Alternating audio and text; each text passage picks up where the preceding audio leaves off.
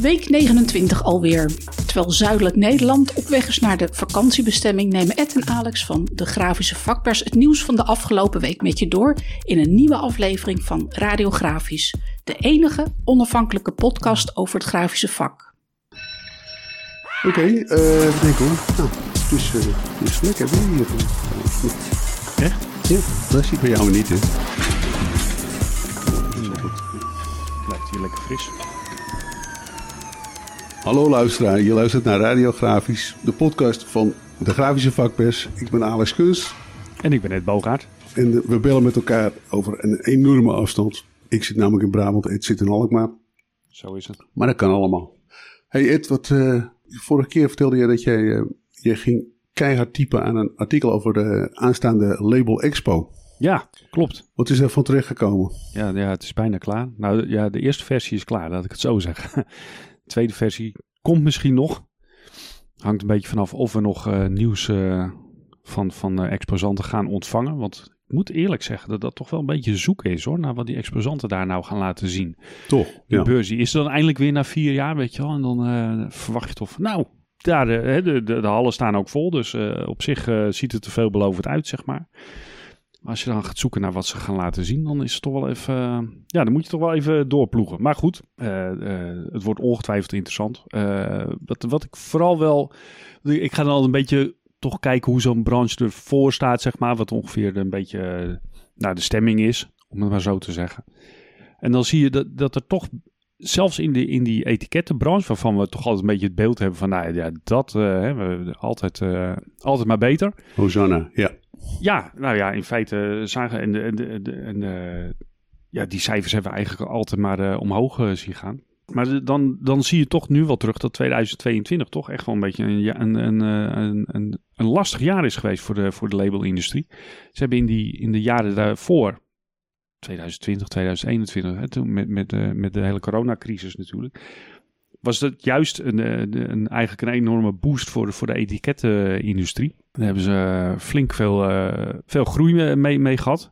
2021 groeide, groeide die markt al met 7%. En toen vorig jaar uh, was dat opeens uh, toch wel een stuk minder. Ja. Sterker nog, er was een beetje krimp. Als je bij de, de brancheorganisatie, ik, ik heb vooral even bij de FINAT gekeken. Dat is een Europese brancheorganisatie voor de, de, de zelfklevende etiketten. Die brengen elk jaar zo'n jaarboek uit. Nou, da, dan lees je daar toch wel dat, uh, dat er flink de schrik in zit eigenlijk. En dat ook de vooruitzichten. Nou ja, ze, ze, ze zijn wel enorm uh, aan het kijken naar wat er allemaal gaande is. En, en ze constateren ook, hè, die etikettenbranche is ook enorm afhankelijk eigenlijk van de economische ontwikkeling. Hoe beter die gaat, hoe meer etiketten er gaan. En ja, als je die getallen leest, zeg maar. 2021 was zeg maar een recordjaar voor de etikettenindustrie in, in Europa. Uh, om dat in getallen uit te drukken, 8,5 miljard vierkante meter aan zelfklevend materiaal. ja, dat is, ja, daar kun je eigenlijk niet zo heel meer, veel meer bij voorstellen. Maar goed, ze rekenen dat even om. Dat komt ongeveer neer op zo'n uh, zo'n 20 etiketten per hoofd van de bevolking uh, elke week. Of uh, in West-Europa zelfs 50 etiketten. En dat was grappig. Ik had het thuis uh, gisteren over. En ja, ik werd zo'n beetje aangekeken van ja, etiketten. Die, ja, waar, waar, heb je nou helemaal etiketten? Ja, in kleding. Maar waar, waar, zitten die verder dan? Ja. Maar goed, het ontbijt stond nog op tafel. Dus ik weet zo, nou, daar heb je een etiket, daar heb je een etiket. En, nou, ja. goed, al snel was duidelijk dat je eigenlijk overal etiketten ziet inderdaad. Ja. Wat dat, wat, dat betreft is het, uh, is het een interessant moment, uh, denk ik. Uh, zeker ook voor de labelindustrie. Dat na vier jaar, hè, want tijdens corona is Label Expo natuurlijk een paar keer overgeslagen.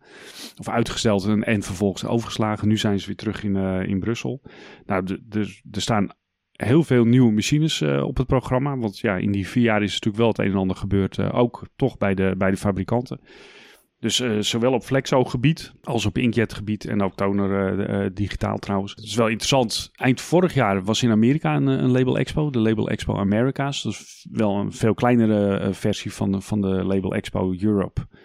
maar toch, dus daar was die beurs alweer een keer. En het opmerkelijk daar was dat er geen enkele Flexo-pers meer op de, op de beursvloer stond. Er waren alleen maar eigenlijk digitale machines te zien. Wauw. Dus, dus dat was inderdaad voor het eerst dat er een Label Expo was waar geen enkele Flexo-machine was te zien. Dat is in uh, Brussel straks uh, niet meer het geval. Er wordt zelfs gesproken van de, de comeback van Flexo. Staat Heidelberger ook met die nieuwe machine van ze? Eh, nee, de, de- ze, eh, ze staan er met Gallus. Oh ja. Ze staan natuurlijk vooral met eh, labelmachines. En die, ja, die grote Flexo-machine die ze hebben gepresenteerd op Interpak, die, die, staat daar zeker niet. Die stond ook niet op Interpak en die zal ook niet op Drupa staan. Die, die hebben ze, ik denk in Wieslog in de hal staan en misschien bij een klant. Ik geloof dat die al bij een klant ook draait, maar in ieder geval. Maar dat, dat is echt op golfkartongebied volgens mij. En dit, dit zijn natuurlijk toch de etikettenmachines. Maar ja, nou ja, je, je noemt ze nu. Maar Gallus eh, gaat daar de Gallus One eh, presenteren. Eh, dat is nou ja, een, een volledige inkjet labelpers. En, en ja, da- daarmee moeten ze ook echt competitief op die markt gaan, gaan opereren, is het, is het idee. Indigo, HP Indigo heeft een, heeft een heel nieuw platform gebouwd, de V12. Eh, dat wordt interessant om te zien. Ja. Het zit heel anders in elkaar dan de huidige machines die we kennen. Dus, dus dat wordt zeker interessant. En nou ja, wat ook belangrijk is, denk ik eh, wel om te weten. eh, het is, eh, ik meen op 11 september dat hij van start gaat. Het is de laatste keer dat hij in Brussel plaatsvindt. Ja. Dat is voor ons altijd lekker bereikbaar natuurlijk. Maar vanaf 2025 moeten we naar Barcelona. Want de organisatie ja, is, is ja, eigenlijk Brussel ontgroeid. Zullen we maar zeggen. Ze zitten daar aan, aan, aan een maximum. En in Barcelona heb je de Vira. Een ander beursgebouw met hele grote moderne hallen met alle toeters en bellen. En, eh, dus daar hebben ze voor gekozen om daar voortaan eh, eens in de twee jaar Label Expo te organiseren. Dus ja, als je je kans wil grijpen nog een keer om de hoek zeg maar een Label Expo wil meemaken, zou ik nu eh, 11 september alvast in je agenda zetten. ja. Dus tegelijkertijd is dat een aanwijzing dat er dus toch wel nog steeds muziek zit in de labelmarkt.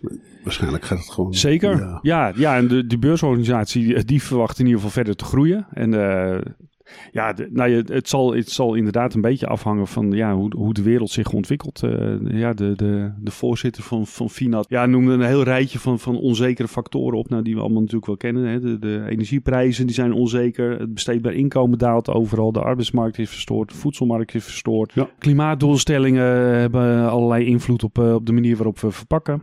Dus eh, ja, er is, er is veel aan de hand die allemaal van invloed kunnen zijn. Hij ziet als lichtpuntje dan in ieder geval dat dat soort crisissituaties zoals we die nu beleven ook vaak tot innovatie aanzetten. Nou, dat zouden we moeten terugzien op eh, de beursvloer van Label Expo. Ja. Dus eh, nou ja, het- is altijd wel interessant om je even met zo'n artikel en zo, zo'n vooruitblik op zo'n beurs bezig te houden. Omdat je toch weer een beetje een idee krijgt van de markt waar, eh, waarin die zich beweegt. Het verschijnt in grafisch nieuws, dat artikel. Ja, klopt. Dat zal Ja. eh, nou vlak voor de beurs zijn, neem ik aan. Of, Dat zal augustus zijn, denk ik, ja, Ja. voorafgaand aan, aan de beurs. Nou, ik ben benieuwd. Ik ga het zeker lezen. Ja, nee, ik, eh, nou ja, en, eh, en we, gaan, eh, we gaan ons verblijf er maar eens plannen, want het, het wordt absoluut interessant. Ja. Het is een interessante markt en ja, daar, daar moeten we gewoon, daar moeten we eigenlijk meer mee doen dan we tot nu toe deden. Dus dat, daar moeten we eens plannetjes voor maken, Alex. Ja, label, eh, label is super interessant. Dus, Precies. Ja, ja, er sprak ook nog iemand over. Je hebt ook een super interessante problemen. Dus, het afwasbare etiket, we, we hadden het laatst nog over. in Ja. En, ja, oké, we gaan het nieuws doornemen. Eh, nou, de BDU is definitief overgenomen door eh EM de Jong. Ja, ja, we hadden het vorige week natuurlijk al even over. Via de, de Barneveldse krant was al naar buiten gekomen dat er een overnamebod was gedaan door EM de Jong op de BDU. Althans, eh, BDU Media en BDU Print. Ja, en wij waren gisteren nog aan het appen over dat, dat wel gek was dat er eigenlijk niet echt een persbericht was. Maar dat persbericht is er nu inmiddels toch wel. Ja, er, er is een persbericht. Nee, ja, voor het weekend werd al duidelijk dat die aandeelhouders. Want op, eh, dat was ook al gezegd dat op donderdag de 13e zouden die aandeelhouders moesten nog beslissen, de aandeelhouders van BDU, over het overnamebod van EM de Jong. En, eh, maar de, de, de 13e kwam er verder nog eh, geen nieuws naar buiten. Ik zag volgens mij op vrijdag wel al op Twitter een aantal berichten van mensen die dat kennelijk wel eh dichterop zaten. Dat de aandeelhouders akkoord waren. Maar, en die vroegen zich ook al af waarom de, de, eh, bijvoorbeeld de Barneveldse krant of, of de media van, eh van daar verder niks over berichten. Want het bleef verder helemaal stil eigenlijk. En volgens mij op zaterdag schreef het Reformatorisch Dagblad er een, een kort artikel over. Dat de aandeelhouders inderdaad akkoord waren. Nou, wordt het Reformatorisch Dagblad wordt, wordt gedrukt eh, bij de BDU. Ja. Eh, dus die hadden daar ongetwijfeld informatie over. Maar ook op dat moment bleef het nog steeds stil. Dus ik, ik ging zondag nog even rondkijken of, eh, of er misschien al meer duidelijkheid was. Het aardige is dan dat je dan je bericht op het Reformatorisch Dagblad niet kan lezen. Want op zondag is de website gesloten vanwege de rustdag. Kijk. Ehm, maar ook, ook elders eh, nog steeds geen bericht. En eh, nou ja, uiteindelijk gisteren, maandag, we nemen dit op dinsdag op, was er inderdaad bericht. Bij de, bij de BDU eh, is een bericht verschenen. Ja, waar- waarin nou ja, vrij formeel wordt gesteld dat inderdaad de aandeelhouders van de Koninklijke BDU-holding ingestemd hebben met de overname door de beheermaatschappij EM de Jong. Nou, er staat dan een heleboel in, in zo'n pers. Het is vrij kort persbericht. Maar er staan toch een heleboel van die dingen waarvan je denkt van. Maar waarom is dat dan zo? Uh, de Jong doet dat in samenwerking met de eigen bedrijfsonderdelen. Telstar Media Groep en Janssen Pers. En uh, eigenlijk waar, ik de. Het, gaat natuurlijk allemaal over synergie en, en uh, schaalvoordelen. En dat is ook allemaal ja, te begrijpen natuurlijk. Hè. Dit, dit is natuurlijk een schaalvergroting in het lokale mediaportfolio. Maar uh, er staat bijvoorbeeld de werkmaatschappij BDU Print wordt ondergebracht bij Janssen Pers rotatiedruk. En uh, het is voor mij dan niet helemaal duidelijk ja, of, of dat zeg maar op papier een soort verschuiving is. Of, of blijft de BDU dan zelf wel drukken. Uh, het is toch een grote drukkerij, werken ook iets van 40, 50 mensen volgens mij. Of, of gaat, dat, gaat de drukactiviteiten ook daadwerkelijk naar, uh, naar bijvoorbeeld Janssen Pers rotatiedruk? Dat is voor mij niet helemaal helder. En, wat, en wat zou er dan de gevolg voor zijn uh, voor, voor, die mensen? Dus ik, ik heb daar wel naar, naar gevraagd. ik, ik heb ze wat vragen gemaild. Nog geen, daar heb ik nog geen reactie op. Ik hoop dat dat nog, nog wat duidelijkheid geeft. En, en ik was eigenlijk ook wel benieuwd in hoeverre die portfolio's met elkaar overlappen, zeg maar. Uh, ze, ze, hebben allebei heel veel lokale, uh, hoe zeg je dat, lokale nieuwsbladen, uh, kranten. Ja, huis in portfolio. Ja. En, ja. wat is het, vorig jaar? Nee, 2021 heeft de BDU nog, nog elf titels overgenomen van ehm, uh, van mijn naam is dat ook weer over. DPG Media. Die, die stoten toen zo'n heel portfolio af. En toen hebben een aantal uitgeverijen. Rodi heeft een aantal titels geloof ik uh, wel of niet overgenomen. En, ja. Nou, in ieder geval, er was zo'n verdeling zeg maar, van titels. En, en de BDU nam toen elf titels over van DPG Media. En ze claimden daarmee toen de, de grootste uitgever van uh, lokale nieuwsbladen in Nederland uh, te zijn. Dus ja, de, dus dat portfolio gaat nu ook helemaal aan de EM de Jong uh, worden toegevoegd. Um, dus ik vroeg me af of daar overlap in zat en of titels dan misschien wel moeten samengaan. Maar, maar toen keek ik eigenlijk naar, naar hoe ze die portfolio's op de kaart van Nederland hebben. Ze hebben allebei op hun website hebben ze zo'n kaartje, hun verspreidingsgebied zeg maar, aangegeven. En ja, dat sluit vrijwel naadloos op elkaar aan als je dat ziet. Ja. Het gebied wat, wat EM de Jong uh, met, met, uh, met die kranten afdekt, dat is echt onder de grote rivieren zeg maar. dus echt het zuidelijk deel, een, een, zuidelijk deel van Nederland. En ja, uh, eh, BDU zit daar precies boven eigenlijk. Die begint daar boven de rivieren. En dan zeg maar de lijn uh, Noordzeekanaal uh, Zwolle, zo'n beetje. En dat, dat is eigenlijk het gebied wat zij bedienen. Dus, dus ja, er ontstaat wat dat betreft een gigantisch portfolio eigenlijk. Waarmee ze echt een heel groot deel van Nederland... Ze zaten tot, tot nu toe letterlijk niet in elkaars vaarwater. Daar komt het eigenlijk op neer. Nee, nee dat, ja, ja, dat verdeelt zich toch zo, zo'n markt natuurlijk, zeg maar. En ja, nu, nu is het vaarwater enorm. Ja. ja. Dus uh, ja, het, het, uh, ik denk dat dat voor die markt ook wel, wel iets betekent, uh, toch? En ja. nou ja, ze, ze hopen dat, dat, deze samenvoeging ja, dat allerlei nieuwe, nieuwe activiteiten mogelijk maakt op het gebied van lokale media. We moeten trouwens nog wel even aantekenen dat wat was 2020 BDU er echt heel slecht voor stond. Ja. Ze kregen toen flinke klappen van de, van de coronacrisis. Nou, en, en, niet alleen de BDU natuurlijk. Maar uh, ja, ze zagen toen de, de advertentieinkomsten uit die krantjes uh, natuurlijk enorm teruglopen. Dus uh, daar hebben ze toen echt wel, ze hebben daar echt wel heel zwaar gehad. En ze hebben toen ook eigenlijk aan lezers hebben ze bijdrage gevraagd en, en overal financiële steun gezocht. Nou, daar waren ze nu weer zo'n beetje van hersteld. Nou ja, nu is kennelijk het moment om uh, voor, zo, voor zo'n volgende stap in de consolidatie van de markt. Het zou eigenlijk wel interessant zijn om te kijken of wat dat nou oplevert, zo'n... Uh, want ik, ja, ik, ik, heb dus, uh, ik, ik zit dus midden in een cultuurshock omdat ik vanuit Noord-Holland ben verhuisd naar, naar Brabant. Ja, jij bent naar het gebied van EM de Jong verhuisd, zag ja, ik. Ja, ik, ik, ik zag precies vlijmen op, op de rand van het bedieningsgebied.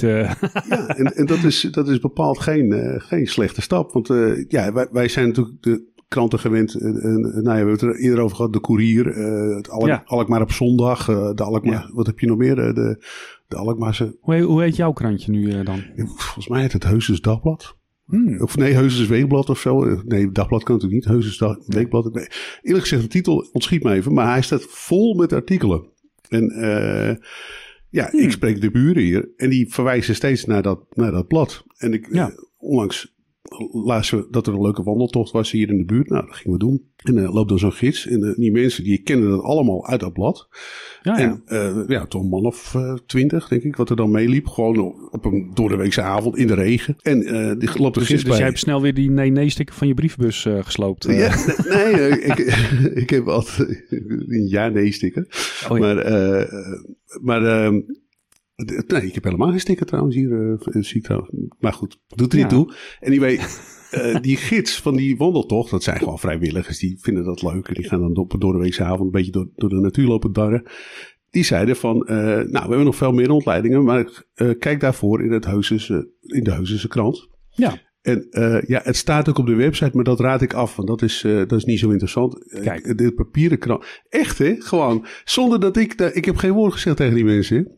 Maar dan zit ik te denken, ja, maar dit is voor adverteerders gewoon een ontzettend uh, tof ding. Dit is, ja. Terwijl die, die kranten, ja, met alle respect, waar jij en ik, uh, ik heb nog nooit iemand horen zeggen, ja, ik was hier omdat het in de, vroeger wel, hè, een jaar of twintig hmm. geleden, vijfentwintig geleden, de, toen, toen, toen stonden er ook gewoon artikelen in en zo van, van uh, ja, dingen die gebeurden in de, in de regio of in de, op, ja. lokaal. Maar ik denk dat het werkt. Ik denk, ik heb ook wel eens iemand gesproken maar ik wil niet te veel uitweiden hoor. Die, die, ook uit het zuiden, die had dus voorgesteld aan de redactie om uh, sportverslagen te maken van uh, lokale voetbalverenigingen. Alsof het eredivisiewedstrijden waren. Ja, ja, En dat is dus heel erg leuk. Dat je, dat je gewoon jouw zoon, uh, die speelt dan in een, in een elftal en die wint een wedstrijd. En dat wordt verslagen alsof Real Madrid tegen Liverpool speelt. Ja, ja, ja precies. En die met interviews erbij en zo. En de foto's en weet ik veel. En dat, ja, ja, nee, jezus, ik krijg er bijna zelf zin in om, uh, om te gaan doen. Nee, goed.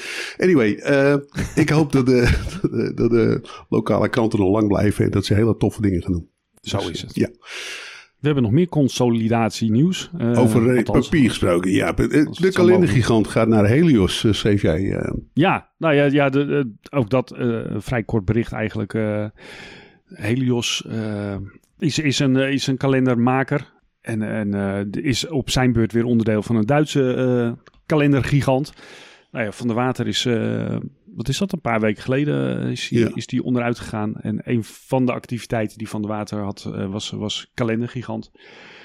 dus heel groot in, ja, vooral volgens mij van dat soort bedrijfskalenders. Weet je wel, met van die schuifjes en, en, en ja. hoe zeg je dat, drie maanden onder elkaar of vier maanden onder elkaar. Van, van die. En ja, dat schrijven ze ook. Hè, ondanks alle digitalisering en digitale planborden en dat soort dingen. Dat soort kalenders blijft kennelijk toch onverwoestbaar. En, en uh, zeer belangrijk op, uh, zeker op bedrijfskantoren en bedrijfskantines. Ja. Dus, dus kennelijk is dat toch een, een ja, een enorme markt. En nou, ja, de kalendergigant is nog iets gigantischer geworden wat dat betreft. Onderdeel nu van, de, van een groot Duits bedrijf dat ook in Nederland actief is. En uh, ja, het enige wat daar uh, nog aan ontbrak was, was nu wat, wat er verder met de andere activiteit van, uh, van de water gebeurt. Dat is nog niet duidelijk. Ze proberen kennelijk klanten wel te bedienen, maar het gaat echt alleen om het onderdeel kalendergigant wat ze overnemen. Ja. Dus ik vermoed dat de rest van Van de Water toch gaat verdwijnen. Ja. Het, ja, het blijft een bijzondere markt, die kalenders. Als je, als je in de boekwinkel kijkt, dat er tegen het einde van het jaar zoveel agenda's er nog liggen en kalenders. En, ja, is, ja, misschien is er ook wel te veel concurrentie. Is, is, dat, zou dat het probleem zijn? Ik weet het niet. Dus, Geen idee. Kennelijk is er behoefte, want ja, er ligt zo ontzettend veel. Maar ja, V&D nou, is natuurlijk helemaal gestopt. Maar voordat V&D uh, failliet ging, hadden ze een hele hoek met, met schoolkalenders, schoolagenda's. En uh, ja, ja. ja, die gaven dat op een gegeven moment ook al op. Dus uh, het is kennelijk toch een hele ingewikkelde markt. Ja, ja maar ik, ik vermoed, maar dat, dat, weet ik niet helemaal zeker, dat dit vooral toch de, de zakelijke markt is die ze ja, bedienen. Ja. Dus uh, eigen kalenders, zeg maar, relatiekalenders en, uh, en dat soort plankalenders. Ja, en dat, dat, is, uh, dat is toch een enorme markt. En ik, ik vermoed zomaar dat als je wat verder gaat zoeken, dat, dat er eigenlijk maar een paar hele grote bedrijven zijn die, die dan weer uit allerlei van dit soort bedrijven bestaan, die die markt bedienen en, en op een slimme manier waarschijnlijk ook bedienen. Ja, ja. Dus, uh, maar de, ja, het is toch papier dat voorlopig nog niet uh, verloren is gegaan. Het is ook een leuk ding om weg te geven, als relatiegeschenk en zo. Dus, uh, Zeker, ja, ja dat, blijft toch, dat blijft toch zo. Dat doe je met een elektronische agenda niet. Want wil je hier mijn, je, je ja. synchrone agenda...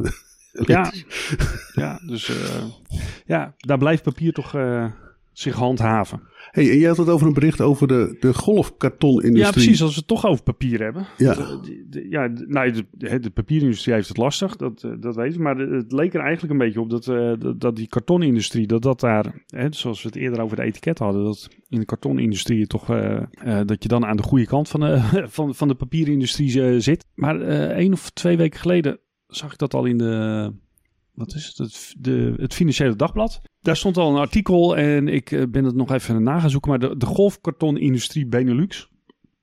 Nou ja, de kartonindustrie, daar leek het dus allemaal enorm goed te gaan. Maar ook daar uh, zijn nu uh, problemen. In het FD van één of twee weken geleden. Daar stond een artikel onder de naam dat de kartonindustrie de doodsteek vreest vanwege de nieuwe verpakkingsregels. Ik ben even op de website gekeken, ook van golfkarton.org. Dat is de de Corrugated Benelux Association, dus de, de makers van uh, golfkarton in de Benelux. En uh, nou ja, die, die proberen zich toch een beetje te verweren tegen, tegen de nieuwe uh, Europese regelgeving, de PPWR die eraan komt. Uh, dat gaat eigenlijk over verpakkingsafval. We hebben het al eerder over die, die wet gehad. In principe is, is die aangenomen en ligt die nu voor, voor allerlei amendementen in het Europees Parlement. Dus iedereen is daar nog naar aan het kijken en die moet volgend jaar volgens mij van kracht worden. Maar je ziet nu in de papierindustrie, want het viel me eerder al op bij CEPI volgens mij, de, de Europese papiermakers en Intergraaf. En iedereen is toch wel heel erg van ja, we, we, we staan helemaal achter de doelstelling van deze wet. En uh, het moet allemaal natuurlijk voor het milieu en het moet allemaal duurzaam. Maar, en dat is toch wel een beetje waar ze nu tegenaan lopen, die, die wetgeving, die, die PPWR, die stelt eigenlijk um, herbruikbare verpakkingen uh, als het ultieme middel om tegen uh, verpakkingsafval op te treden. Ja. Dus alleen door verpakkingen opnieuw te gebruiken kun je eigenlijk afval voorkomen. En dat klinkt zo logisch als het is, zeg maar. Maar de papierindustrie en de kartonindustrie zijn daar heel erg op aan het hameren dat, dat recycling net zo belangrijk is als dat hergebruik eigenlijk uh, is. Ja. Alleen op, hoe zeg je dat, de, de duurzaamheidsladder uh, staat eigenlijk, hè, nou, allereerst moet je voorkomen dat je uh, producten moet gebruiken. Hè, dus uh, voorkom verpakkingen of voorkom overbodige verpakkingen of, of veel te grote verpakkingen. Hè, dat moet je allemaal zien te voorkomen. Daarna komt dan volgens mij hergebruik en ergens onderaan de ladder staat eigenlijk recycling. Omdat dat toch niet zo duurzaam wordt gezien als, als, als in de papierindustrie dat wordt, wordt voorgesteld. Uh, de papierindustrie is natuurlijk heel erg goed in recyclen. Hè. Het percentage is ook heel hoog. Alleen door, door die nieuwe wetgeving uh, ja, wordt eigenlijk uh, hergebruik gestimuleerd. De, de herbruikbare verpakking. En dat is voor golfkarton bijvoorbeeld een lastige opgave. Want de meeste, of heel veel van de golfkartonnen verpakkingen zijn natuurlijk eenmalig eigenlijk gebruik. En worden daarna gerecycled, uh, moeten opnieuw het proces in en dan maak je er weer een nieuwe verpakking van. Ja. Maar dat is niet wat de Europese uh, wetgeving voorstaat. Die willen eigenlijk dat je verpakkingen maakt die opnieuw gevuld kunnen worden, opnieuw gebruikt kunnen worden, teruggebracht en, en opnieuw gevuld. Uh, nou, bijvoorbeeld staatsgeldflessen, dat soort dingen. dat, dat werkt. dat werkt beter voor het milieu is het idee achter de wetgeving. Dan, dan dat je het helemaal gaat recyclen en opnieuw het proces instuurt en uh, gaat maken. Ja, Golfkarton uh, protesteert daar nu tegen. Hè. Die zegt, ja. maar dat moet je ook allemaal weer schoonmaken, zeg maar. Hè. Alles wat je terugbrengt, dat uh, brengt logistiek een enorme operatie met zich mee. En zij zeggen, ja, maar en, en ons systeem werkt al, zeg maar, hè, de, de het recycle-idee. ja. wat ik wel interessant vond in, de, in dat artikel was dat daar bijvoorbeeld het voorbeeld werd gegeven van de, van de pizzadoos. Ja waarvan hè, de, de, er is een kennisinstituut duurzaam verpakken. Uh, en die directeur daarvan, uh, die, die, op zich ziet die recycling, ja, dat, dat is heel succesvol en dat doen ze heel goed. Maar bij hergebruik ehm, kan hij zich toch wel voorstellen dat daar een soort ja, een, een plastic pizzadoos voor komt. Die je, die je weer kan inleveren of uh, uh, opnieuw uh, de, ja, terugbrengt. of geeft aan de pizzacourier. Ja, ja. statiegeld. Ja. Dat ding wordt schoongemaakt en er kan opnieuw een pizza in, zeg maar. Want je, je hebt natuurlijk nu ongelooflijk... Ik, ik, ik wilde niet weten hoeveel pizzadozen er, er in Nederland of, of in Europa dagelijks met brommetjes over worden rondgebracht.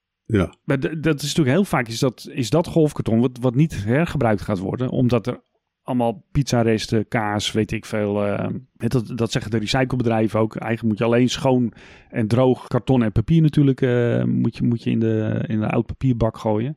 Ja. En pizzadoos zijn er eigenlijk, eigenlijk heel slecht geschikt voor met, met al die voedselresten die erin zitten. Dus heel veel van die pizzadoos verdwijnen natuurlijk gewoon in het afval. Ja. Dus ja, dat is in feite toch eenmalig gebruik van, van een product.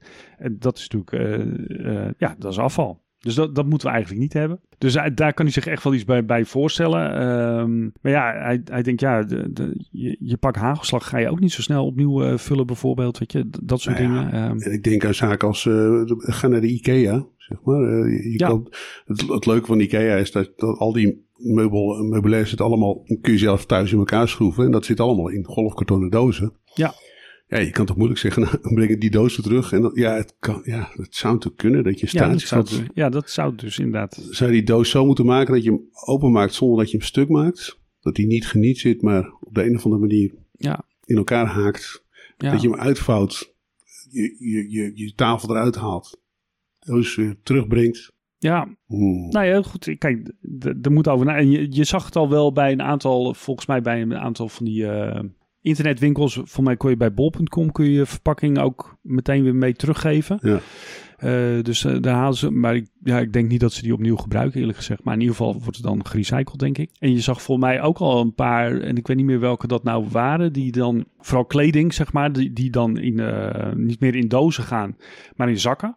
Ja, en, en die zakken kun je dan weer uh, meegeven. Of je kan ze zelfs terugsturen, geloof ik, via de post of zoiets. Dus, dus aan die kant wordt er wel natuurlijk gezocht ook naar dat soort uh, oplossingen. Nou, je, je, ziet ook wel wat, wat vulstraten in sommige supermarkten natuurlijk. Waar je, waar je met plastic of glazen flessen je muesli en dat soort dingen kan tappen, zeg maar. Zonder dat daar weer een doos omheen moet. En dat is natuurlijk eigenlijk wat, wat die nieuwe wetgeving probeert te stimuleren. Maar goed, je ziet nu wel, dat het wordt nu dus steeds harder aan de bel getrokken door de, de papier- en kartonnen industrie. En uh, nou ja, als je, als je nu uh, vreest voor een doodsteek, dan, uh, dan is de nood kennelijk toch al heel hoog geworden. Ik ga er toch wat verder induiken. En ja. ik denk dat we daar toch eens over moeten schrijven verder op, op de vakpers ook. Een goed voorbeeld is verhuisdozen. Ik weet dus, nou ja, omdat ik dus niet zo lang geleden verhuisd ben, ben dat verhuisbedrijven aanbieden om de dozen weer op te halen naar de verhuizing. Ja. En die zijn, nou, dat heeft, daar eh, snijdt het aan twee kanten. Want die dozen zijn veel steviger ja. dan de verhuisdozen die je koopt bij de gemiddelde gamma of weet ik veel wat. Dus je hebt een hele stevige verhuisdoos. En, en zij kunnen hem vijf keer gebruiken, geloof ik. Dan mieten ze hem ook weg. Maar, uh, mm -hmm. maar goed, toch? Behoorlijk, uh, behoorlijk wat. Hè? Ze komen hem weer ophalen. Ze rijden toch de hele tijd rond met die auto's. Ja. ja er zijn natuurlijk wel voorbeelden.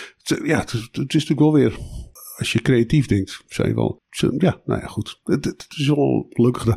Ik, ik, wij hebben hier eerder over gediscussieerd. Over, toen ging het nog over folders, over uh, recycling. En wat gehad met, uh, bij het KVGO met Bram de Beek. Ja. Destijds nog directeur van het KVGO. En Mariska Joustra van Milieu Centraal. Die uh, nou, wel of niet de ja-ja-sticker ging dat nog over toen. Wat mij toen opviel was dat Milieu Centraal bij monden van Mariska Joustra. Dus ontzettend eigenlijk heel weinig waarde hechten aan uh, recycling. Uh, ze vonden dat een, uh, zoals jij zei, hè, dus de laagste tree op de, ja, ja, ja, op de trap, op de ladder van de, van de, van de milieubesparing, zeg maar. Dus die recycling een soort allerlaatste redmiddel voor verbranden, zeg maar. En ja, ze was eigenlijk helemaal niet enthousiast over dat, we, dat wij het in Nederland waanzinnig goed doen. Met, met, want we, echt 80% voor, voor papier en karton wordt gerecycled. Maar dat vond ze, was ze totaal niet van. Nou, ja, voor mij wel dat, op zich is dat goed natuurlijk, zeg maar. Ja. Maar, maar het staat gewoon heel laag op, het, uh, ja, op de ladder, inderdaad. Ja. Het, is ook, het is ook wel lastig te bepalen natuurlijk. Want nou ja, die kartonindustrie zegt ook van ja,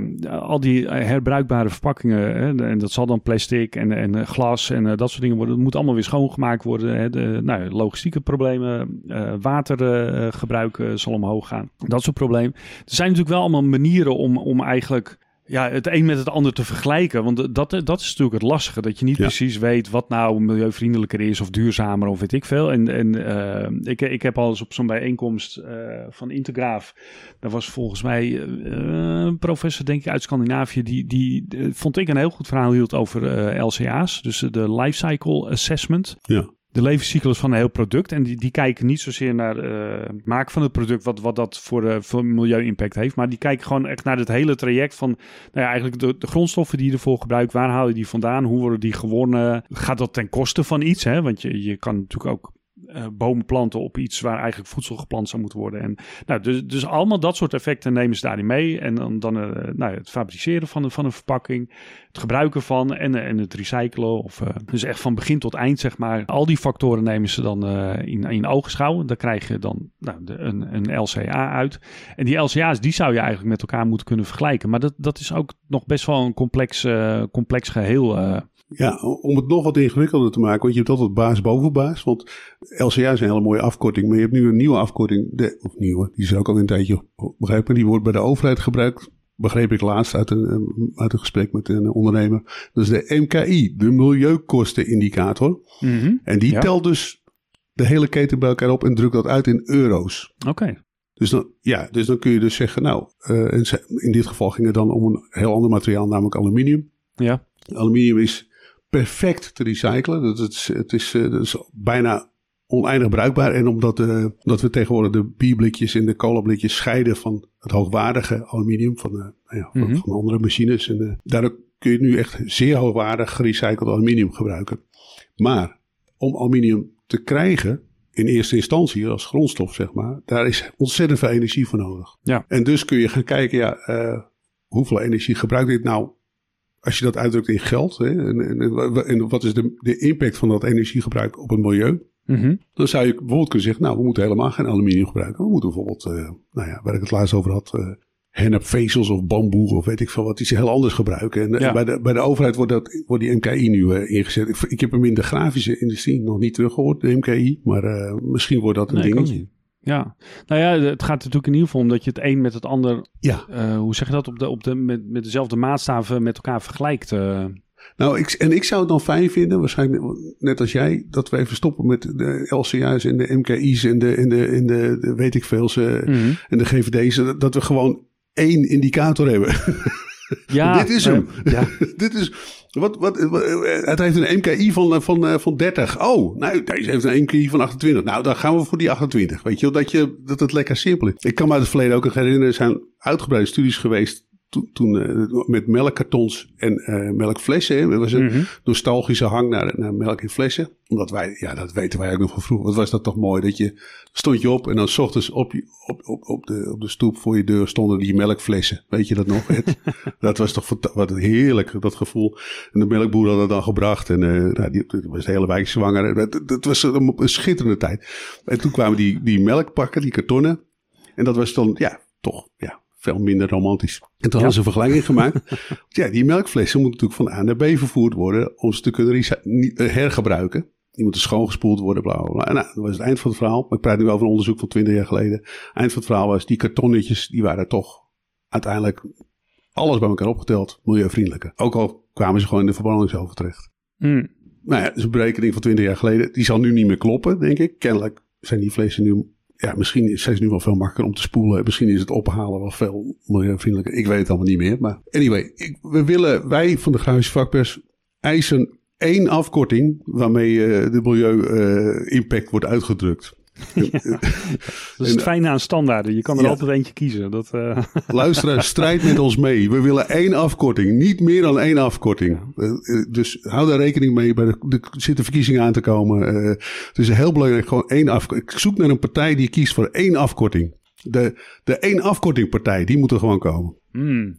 Ja, we willen minder afkortingen. Nou, in de aanloop naar november ja. moet je dat maar een beetje in de gaten houden, Alex. Geen afkorting overleg meer, gewoon één afkorting. Zo is het. Oké, uh, het buitenlands nieuws. Het is tijd voor, uh, ja, denkt u als luisteraar maar even nu aan een denkbeeldige tune waarin het buitenland nieuws wordt aangekondigd. Vanochtend stond er een uh, artikel in de Volkskrant. Ik wil toch even noemen. Hongarije, niet ver van hier, heeft een boete gegeven aan een boekwinkelverkoper van 32.000 euro. Voor het verkopen van een boek wat niet voldeed aan de anti-LHBTIQ plus wet die ze daar hebben. Het was een stripboek. Mm, wat zegt die wet? Die wet zegt dat je dat, je dat boek uh, uh, mag niet verkocht worden binnen 200 meter van een school of een kerk. Hij moet ingepakt in plastic liggen, niet in de etalage. Hij mag niet opengemaakt kunnen worden in de winkel. En uh, als je dat uh, wel doet, dan krijg je een dikke vette boete. Maar hij is ook erg vaag om uit te voeren, begrijp ik. Het is, het is, een, het is een lastige wet om uh, in de praktijk te brengen. Maar goed, ja. Nou, Sowieso een knettergekke wet. Dus, het is een knettergekke ja. wet. Het is gewoon keiharde censuur. dat Precies. is wat het gewoon is. En het, onder, het, onder het mom van we gaan de kinderen beschermen. Want stel nou voor dat ze. Dat kan, dat kan dus in Hongarije dat je een boek uh, koopt als kind. Dat je dan ineens homoseksueel wordt omdat je dat boek hebt gelezen. Ja. Daar geloven ze in. Dus uh, 32.000 euro. Ongelooflijk. Ja, en, maar dat is een EU-land, Hongarije. Dat, dit zijn onze vrienden. Ja, nou, er gebeuren in de EU ook nog wel gekke dingen, toch? Diezelfde EU, waar wij dus allemaal zo trots op zijn. En die dus boos is op, op Hongarije vanwege deze wet. Is nu bezig met een andere wet. Die, maar dan op digitaal niveau. Die al je WhatsApp berichten mag scannen. Voordat je ze verstuurt. Ja. Op het moment dat je ze verstuurd hebt, dan zijn ze geëncrypt. Dan kunnen ze er niet meer bij. Mm -hmm. Nou, uh, WhatsApp is, een, is van Meta, uh, van, van Facebook. Dus uh, is een Amerikaans bedrijf. Dus daar kunnen wij niet zoveel mee doen. En hebben ze bedacht dat ze een mogelijkheid willen hebben. Dat ja, alle WhatsApp berichten die je verstuurt, voordat je ze verstuurt, gescand worden en kunnen worden ingelezen door ja, een of andere dienst. Ik weet eigenlijk niet eens wie dat nou gaat, allemaal gaat zitten lezen. Ja, ik begreep, ik begreep dat die software, dat als ze dan iets aantreffen waarvan ze denken, hé, hey, dat, dat kan niet door de beugel, dan gaat er een signaal naar de betreffende diensten en die gaan dan onderzoeken en dan... Ja, ja maar het wordt dat. allemaal gescand. En het, ja. het zou gaan ter bestrijding van kinderporno. Ja, tuurlijk. Dus ja, op andere gebieden zijn ze niet zo heel actief om uh, kinderporno te bestrijden, maar dit vinden ze dan wel heel belangrijk. Kennelijk is er een vermoeden dat, dat, dat iedereen kinderporno via WhatsApp naar elkaar aan het versturen is. Ik, ik ben tegen kinderporno.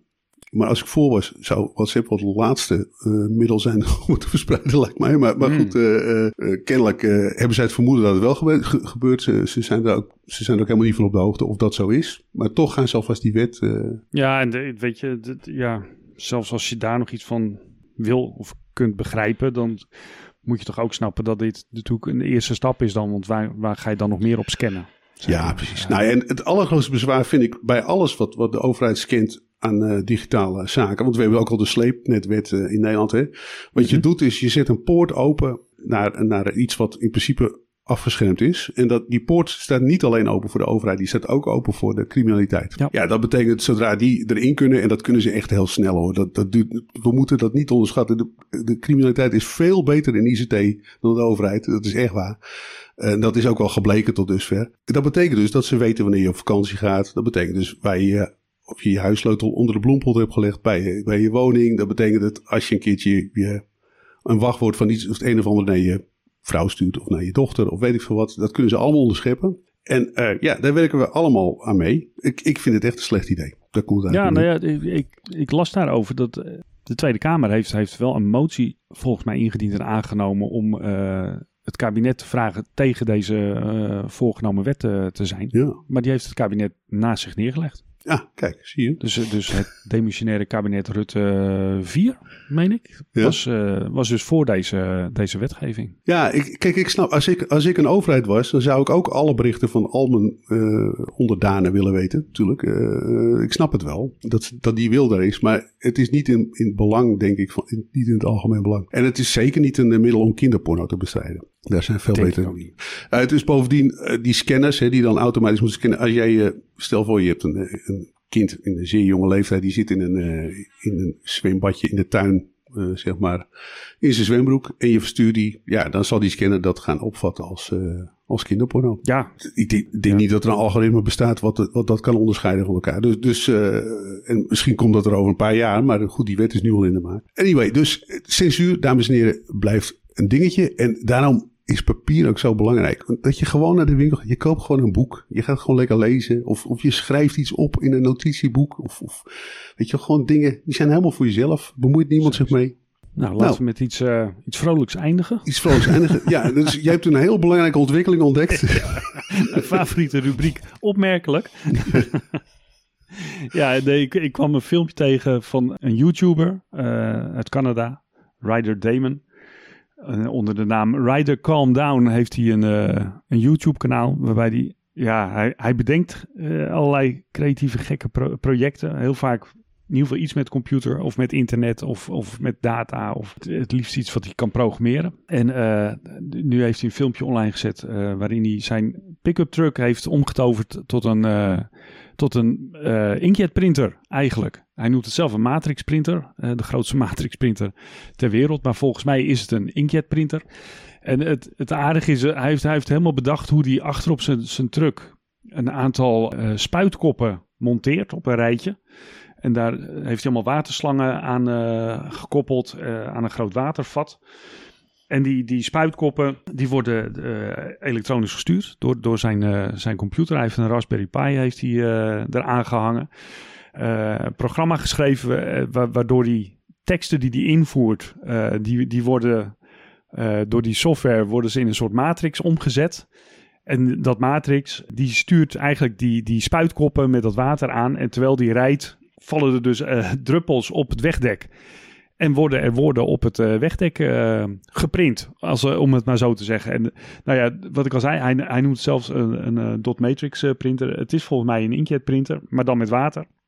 Watergebaseerde inkjetprinter. En het is heel grappig om te zien. Ze hebben natuurlijk met drones allemaal shots gemaakt vanuit de lucht. terwijl hij met zijn met pick-up truck over de straat. En nou ja, hè, als je sneller rijdt, dan zie je dat de letters natuurlijk vager worden. Als, bij een goede snelheid en, en, en voldoende warm wegdek ontstaan er gewoon ja, de, allemaal puntjes en dus letters. En eigenlijk is er dus, het, het is eigenlijk een heel goede, hoe zeg je dat, instructievideo over hoe Inkjet werkt. Ja. Het, het maakt het volkomen inzichtelijk en, en duidelijk op een zeer bazaal niveau en, en ook een enorm niveau. Dus ja, het is een soort grootformaat printer achter je pick-up truck. Het, het, het, filmpje staat op, op de vakpers.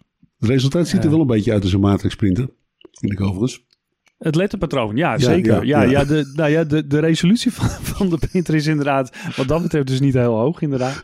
dus het ziet er inderdaad uit als, uh, ja, het is meer zo'n, uh, hoe zeg je dat ook alweer? Zo'n zo ding wat even een code ergens op uh, print. Uh, zo'n codeprintertje, zeg maar. Uh, maar, dan, maar dan anders. Het zou een geweldig reclame ding kunnen zijn. Stel nou voor dat wij, wij bouwen in jouw Toyota, zeg maar. Gaan we dit ja. dan in de achterbak maken? Ja. Daar is wel ruimte voor. En dan als we dan naar Label Expo rijden, dat we dan gewoon steeds op asfalt ja. spuiten. De grafische vakpers. De grafische ja. vakpers. Ja, dat is perfect. www.degrafischevakpers.nl Ja, klinkt goed. Ja. Nou, Gaan we proberen. mooi, mooi vakantieprojectje, Steun Alex. Ons.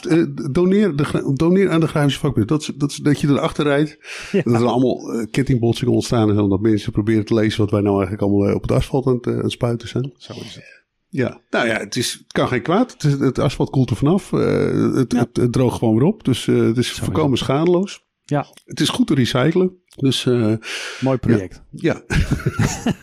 Goed, als je dit uh, interessant vond. Niet alles van wat we hebben besproken staat nog op de website, maar het komt uh, binnenkort wel op. Ja. Die pick-up printer in ieder geval zeker wel. Ja. En kijk op de website voor, voor nog meer nieuws. En ja, kijk ook eens naar die donatiebutton waar ik het net over sprak. En ja, hou ons in de gaten. Volgende week zijn we er weer. Zeker. We nemen nog steeds geen vakantie. Ik neem aan dat je nu zit te luisteren. En dat je het, uh, nou ja, over asfalt gesproken, kijk nu naar een gloeiend heet wegdek, uh, terwijl je in een file staat richting een uh, zonnige vakantiebestemming. Dan wens ik je een ontzettende fijne vakantie. Maar wij zijn gewoon overal te bereiken via Spotify. Zo is het. Blijf nog even hangen, want straks komt de Saskia van de correctiekamer nog met wat nagekomen berichten. Bedankt voor het luisteren en tot de volgende. Ja, spreek je volgende week. Tijd om de hiaten op te vullen, misverstanden recht te zetten en fouten te corrigeren. Er is inmiddels meer nieuws over de overname van BDU door M. de Jong. Hoe het zit, lees je op degrafische Daar worden de vragen beantwoord die Ed in deze podcast stelde. Over de afkortingen Stampot, MKI en LCA. Die twee hebben in werkelijkheid alles met elkaar te maken. De milieukostenindicator, MKI dus, voegt alle relevante milieueffecten van een product samen in één enkele score van milieukosten. Zo kun je zien wat de schaduwkosten van een product of project zijn. MKI wordt uitgedrukt in euro's en dat houdt het overzichtelijk. Om de MKI te bepalen moet je een Life Cycle Assessment uitvoeren. Dat is die afkorting LCA waar Ed het over had. Het een kan dus niet zonder het ander. De afkorting MKI wordt vooral gebruikt bij aanbestedingen in de bouwsector. Vandaar dat je misschien nog niet zoveel bent tegengekomen. Nog even over dat stripboek in de Hongaarse boekwinkel. Dat de boekhandelaar een megaboete opleverde. De titel van het boek is Heartstopper van de Britse schrijver, illustrator en scenario-schrijver Alice Oseman. Zij ontving voor haar werk al vele prijzen. Het boek is de inspiratie voor de gelijknamige Netflix-serie dat ook al verschillende prijzen in de wacht sleepte. Het boek is te vinden in de betere boekhandel, maar mocht je op vakantie zijn in Hongarije, dan is het dus wel even zoeken. Ten slotte hebben we nog het plan van de Europese Commissie waarover Alex zich druk maakte. Het gaat om het zogenaamde client-side scanning. Het is de bedoeling dat vanaf 24 augustus 2024 elke tekst en afbeelding van elke smartphone in de EU, dus ook in Hongarije en Nederland, voor verzending wordt gescand. Denk erbij aan beveiligde berichtendiensten zoals WhatsApp, Facebook en iMessage. Er is veel kritiek op het plan, want het betekent onder meer dat jouw privéfoto's na verzending straks automatisch bij een Europese autoriteit belanden. Vandaar deze tip. Mocht u volgend jaar tijdens een vakantie in een Hongaarse boekwinkel terechtkomen, maak daar dan geen foto's. Je weet nooit wat er van komt. Maar goed, we zijn nu erg ver verwijderd van de grafische industrie. Met uitzondering van het laatste bericht vind je alles wat besproken is terug op de website degrafischevakpers.nl. En daar vind je nog veel meer nieuws, feiten en meningen. De grafische vakpers is een onafhankelijk vakmedium zonder gesponsorde tekst of reclame.